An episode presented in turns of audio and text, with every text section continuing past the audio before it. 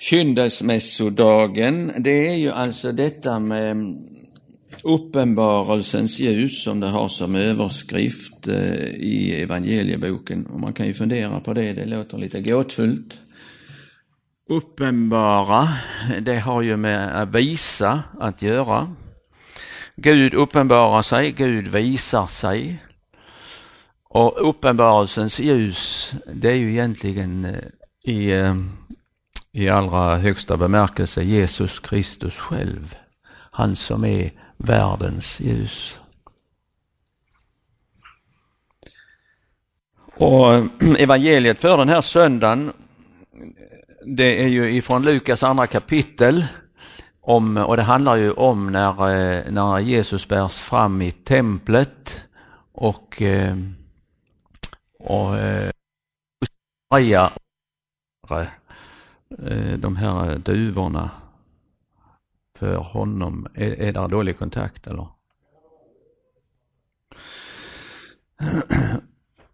Eh, och så, det har ju med att göra att eh, det var föreskrivet i Mose lag att 40 dagar så efter att en kvinna fött barn så skulle hon så att säga vara oren men på det, eh, efter 40 dagar så skulle hon rena sig och så komma till templet. Och, eh, och det var alltså det som skedde och vi får läsa där om Simon och Hanna i templet och allt detta här.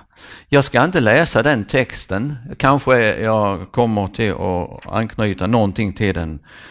Utan Bo Giertz har ju tagit upp ett, ett, eh, kanske ett lite annorlunda ämne kan vi tycka, för han har, han har tagit upp den gammaltestamentliga texten ifrån Malaki, det tredje kapitlet.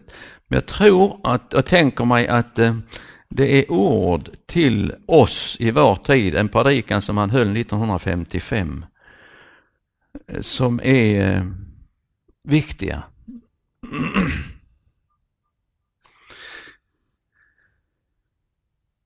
Vi ska börja med att be för den här stunden. I Faderns och Sonens och den helige Andes namn. Amen. Himmelske Far, vi tackar dig för att vi får samlas denna söndag. Då eh, vi på ett särskilt sätt får liksom avsluta julfirandet och så gå in i fastetid om du låter oss uppleva ännu en helg. Vi tackar dig för eh, allt rikt du skänker oss genom ditt ord och också denna söndag. Och vi ber om det uppenbarelsens ljus, att det ska få lysa in i våra hjärtan. Även nu där vi samlas här på ett så här enkelt sätt för att tillsammans läsa ditt ord och läsa någonting i eh, anslutning till det. Vi ber att du välsignar oss med din ande och är hos oss. I Jesu namn. Amen.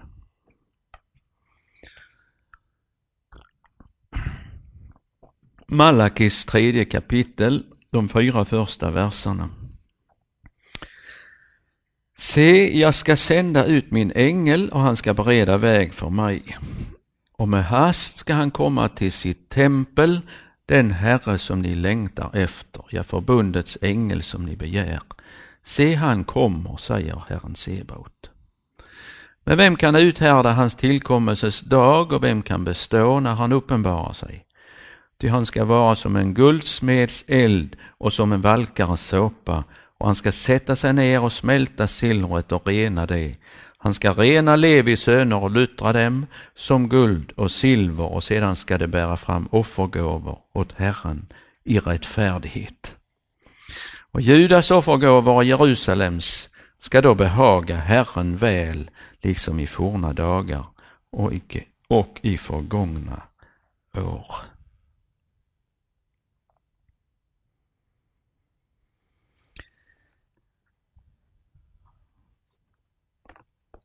Nu är den ju på några sidor, jag skulle kunna tänka mig att det kanske tar en kvart, 20 minuter att läsa. Det tycker ni blir för drygt för ni hojtar till. Bättre att vi sjunger en sång än att vi sitter och sover.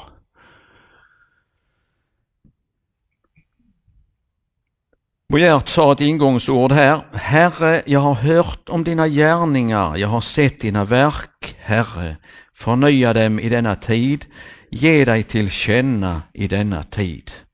Det är från Habakuk 3.2. Eh, Så kan varje kristen säga. Han har hört om Herren, hört i ordet och hört i hävderna i historien om Guds märkliga gärningar i förgångna år. Och han har häpnat. Han har kanske suttit och lyssnat till de gamla eller läst deras minnen från den stora kyrkväckelsens dagar när människor trängdes i Guds hus, när ordet gick ut med makt och skakade hjärtan och gjorde om människoliv, när ingenting var så viktigt och angeläget som att få sin sak rätt ställd med Gud. Och just därför att det hände med människor som själv varit med och nu kunde berätta, kanske i helgedomar där man själv suttit och lyssnat, kanske genom präster som man sett som barn eller vid vilkas grav man stått på kyrkogården. Just därigenom blev det så verklighetsmättat och stort. Och så måste man knäppa sina händer och säga Herre, jag har hört om dina gärningar. Jag har sett dina verk, Herre. Förnya dem i denna tid, ge dig till känna i denna tid. Denna bön behö den behöver bedjas idag. Den beds av många kristna. Den bör vara vårt hjärtas längtan. Ack Herre, förnya dessa dina gärningar i dessa år, här bland oss, i vår stad, i vår församling. Herre, gör oss åter sådana, gör åter sådana tecken och under. Herre, ge oss väckelse i vår kyrka. Alltså kyrka med stort K. I dagens text får vi höra hur Gud svarar när människan ber på det viset. Det är intressant att läsa hans, eh, hans eh, predikan här om detta. När vi alltså ber om väckelse, vad händer då? Och då har han som överskrift förnyelsen som vi ber om. För det första, Herren har lovat sända den. Se, jag sänder min budbärare, han ska vana väg för mig. Plötsligt, plötsligt ska han komma till sitt tempel, den härskare som ni ber om, den förbundets budbärare som ni begär. Se, han kommer, säger Herren Sebaot. Det är nog eh, Bibel 2000s eh, gammaltestamentliga översättning. Det är därför står plötsligt ska han komma. Det är alltså det första stycket här i de eh, bibelverserna jag läste. Plötsligt ska han komma till sitt tempel. Han har tagit fasta på det här, vi ser det längre fram. Det var Herrens svar på Israels böner när man gick där och längtade efter förnyelse, efter Guds stora ingripande då han skulle upprätta allt igen. Det löftet har Gud uppfyllt när han först sände Johannes döparen, budbäraren som gick framför för att bereda vägen, och sedan sonen, han som ensam kan säga, se jag gör allting nytt. Och detta löfte står kvar. Det gäller för alla tider i Guds kyrka. Varje släkte har rätt att vänta och hoppas på att Gud vill gripa in och förnya sina gärningar. Varje ny dag heter det, nu är den rätta stunden, nu är frälsningens dag. Gud vill människors frälsning. Han vill genom predikan om den korsfäste frälsa dem som tror. Därför ber vi om något som är efter hans vilja när vi ber att hans väldiga gärningar ska ske bland oss. Sådana böner har han lovat att höra. Plötsligt ska han komma. Och han ska komma till sitt tempel. Vi har rätt att be om kyrkväckelse. Herren har byggt sitt, sig ett tempel i världen och grundat sin kyrka, den där Kristus är hörnstenen och apostlarna är grunden. Alltså det är kyrkan med stort K, kyrk, Guds kyrka, Guds församling på jorden. Kristus är hörnstenen, apostlarna är grunden. Den kyrkan står ännu idag. Vi behöver inte bygga någon annan. Vi vågar be. Herre, kom hit till din kyrka. Fyll henne med nytt liv som du har lovat. Sänd till oss förbundets budbärare och håll vid makt det förbund som du har slutit med oss. Det förbundet slöt Gud med oss i dopet då han kallade alla döpta också i denna stora stad, han tänker sig nog Göteborg skulle jag tro, och denna alltför stora församling, nu vet jag inte vad han var i församling, men i alla fall, till medlemmar i sin kyrka. Men det gäller ju alltså oss, vi som är döpta, då han kallade oss. Förbundet hålls vid makt när Herren genom ordet väcker vår tro och med nattvarden när våra själar.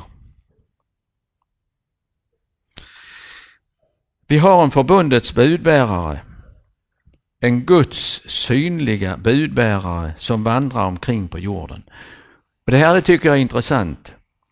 Vi har alltså en Guds synliga budbärare som vandrar omkring oss på jorden. Vad är det? Vi hör hans röst och ser hans gestalt. Det är ordet och de heliga sakramenten. Därför vågar vi be att Gud genom dem ska utföra sitt verk här bland oss på nytt. Gud har lovat det. Men sker nu detta? Var är den Herre som vi ber om? Var sker förnyelsen som vi ber om? Det är uppenbart att många inte frågar efter det verk som Gud vill utföra med dem. De bryr sig inte om att lyssna. De använder sina söndagar till helt andra ting. De tänker inte på att de är döpta och gör, sig, och gör det sig några föreställningar om Jesus så är det att eftersom han är så god så måste det väl gå väl även om jag varit okyrklig. Och så sker ingenting av Guds väldiga gärningar ibland dem, åtminstone inte så att vi kan märka det. Och så börjar frågorna och tvivlen. Lönar det sig att be?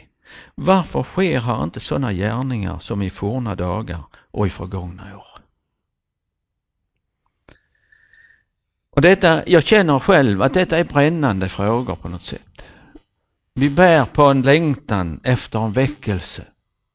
Varför? Varför kommer det inte? Han fortsätter. Men det trogna Bland dem kunde väl åtminstone Guds väldiga gärningar göra sig märkbara. Det skulle väl ha öga för det stora som sker och vara det första att känna igen den Herre som det så länge bett om. Men just bland de trogna finner man ibland största, den största missmodigheten. Man talar om små tider, om trånga tider, om otrons och avfallets tider. Man menar att ingenting kan ske så länge kristendomen, kristendomen är så klen som den är och hemmen så avkristnade och konfirmanderna så bortkomna och det gamla allvaret i salighetssaken så förgätet bland nutidens människor. Därför händer det att man slutar att vänta och hoppas. Man ger den onda tiden förlorad man ber kanske om väckelse och förnyelse, men, man räk men räknar man men man räknar med att det är uteslutet. Att det skulle kunna komma nu i våra år. Han kommer inte plötsligt den Herre som vi ber om och dock står det plötsligt ska han komma till sitt tempel. Den härskare som ni ber om. Men nu har texten ännu en viktig sak att säga oss om förnyelsen som vi ber om. Herren har lovat den. För det andra, men den blir inte som vi tänkt oss. Han fortsätter att citera texten, men vem kan uthärda dagen då han kommer? Vem kan bestå när han visar sig?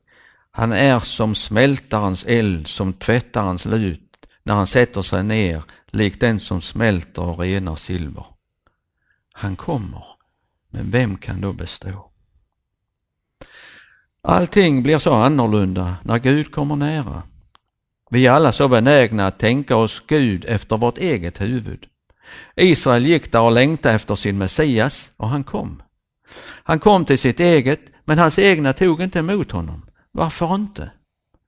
Vi vet det från evangelierna. Man ville inte göra bättring. Man hade gjort klart för sig att man hörde till Guds folk, till Herrens trogna, till dem som ägde hans ord, lagen och löftet och ville göra allvar av det. När Herren kom skulle han ta itu med syndarna, han skulle frälsa sitt folk från deras förtryckare.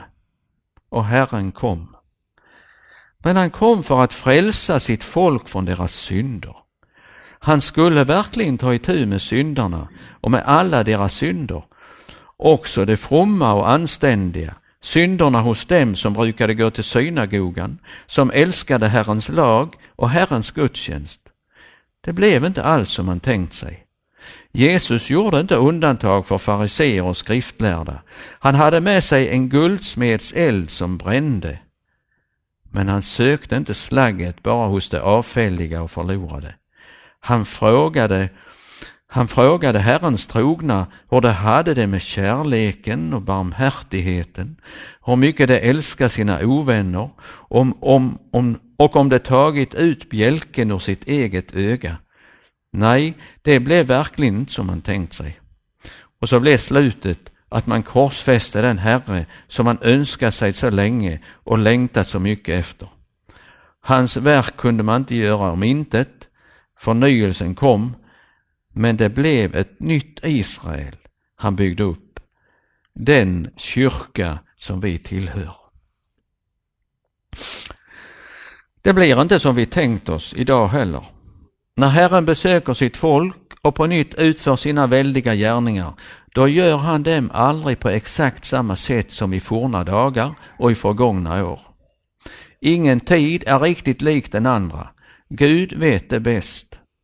Han som känner varje tid och alla dess människor, han utser också den rätta formen för sitt verk.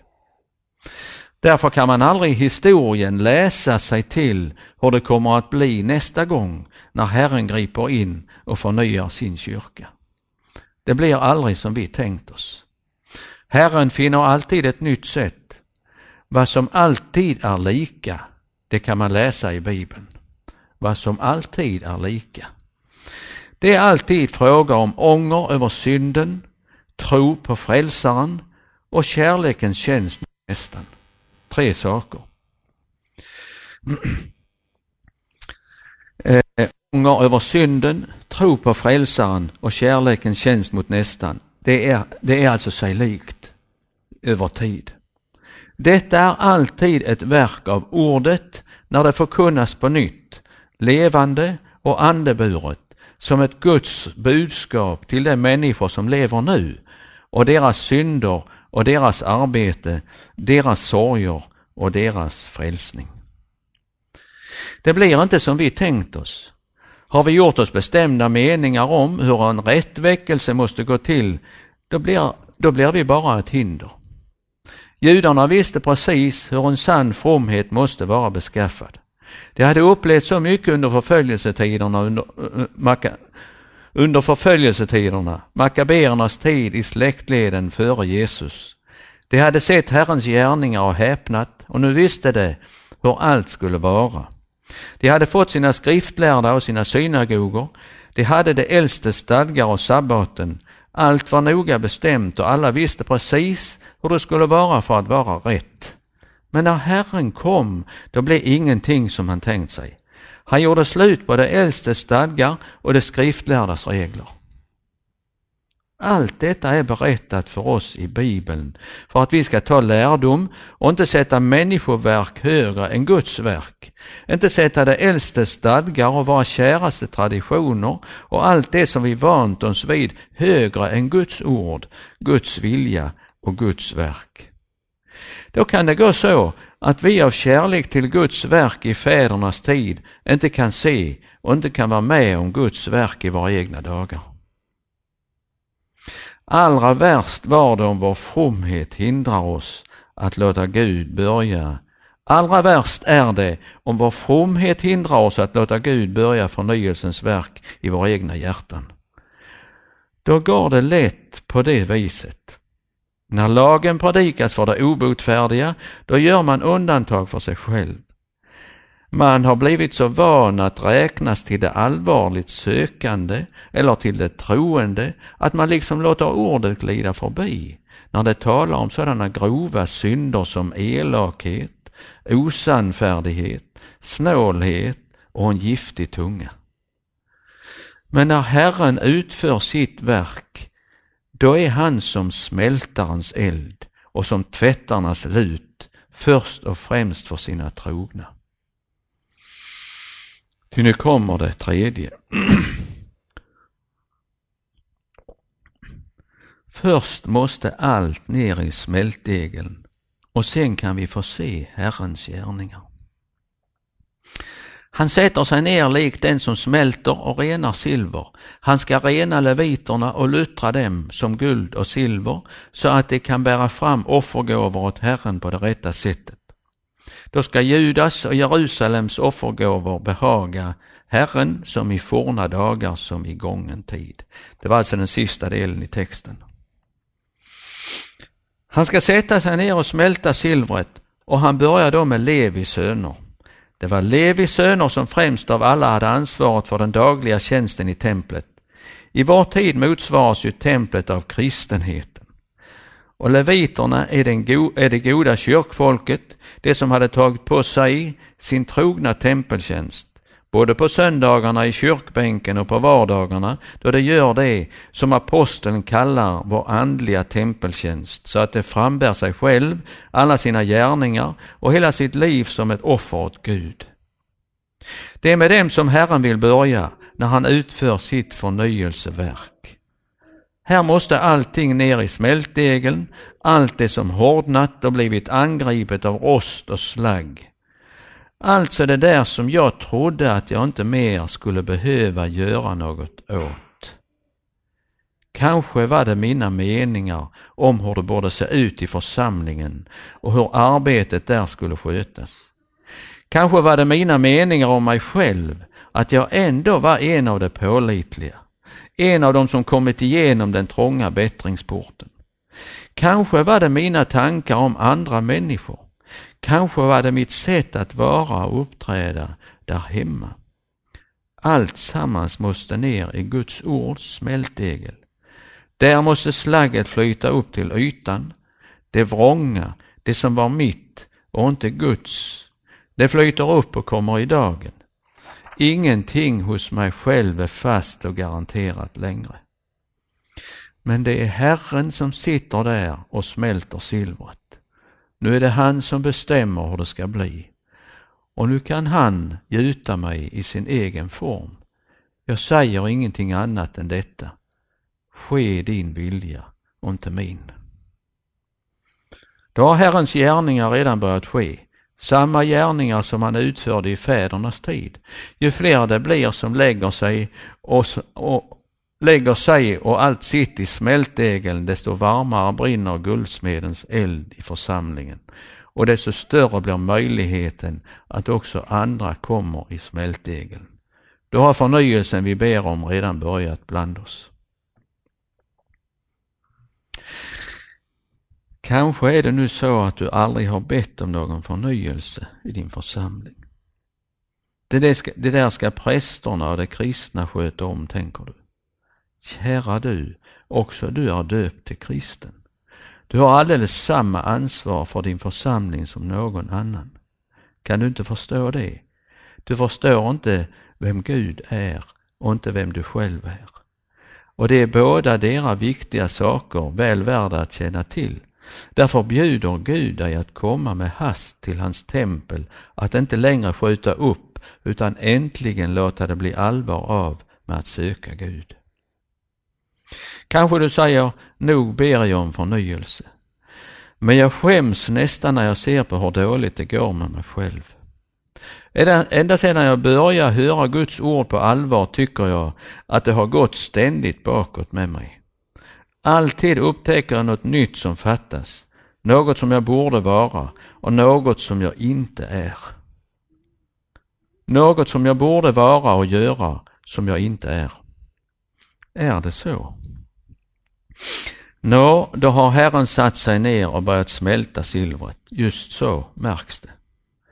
Och när han får smälta allt det som du trodde dög hos dig själv, då kan han smälta om dig till en riktig kristen. Och det, är inte en, och det är inte en sådan där stark och felfri människa som du tror. Utan det är en människa som i allt är beroende av Guds nåd och frälsarens försoning. Du har inget hopp utom detta. Han har lidit döden för mig.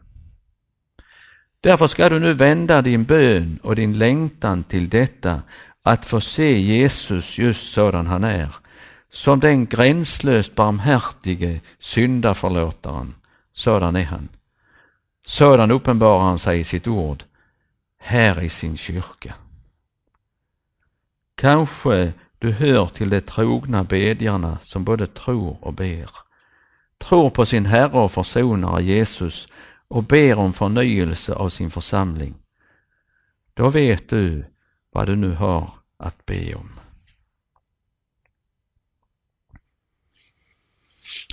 Herre, förnya också mig. Herre, gör allting alldeles så som du vill ha det. Herre, du ska bestämma och inte jag. Herre, din vilja ska ske och inte något annat. Gör oss sådana att våra offergåvor kan behaga dig väl, liksom i forna dagar och, och i förgångna år. Amen.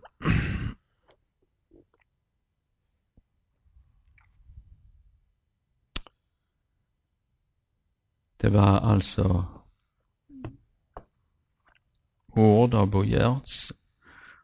Och jag ska avsluta med att läsa med tanke på detta om, om uppenbarelsens ljus.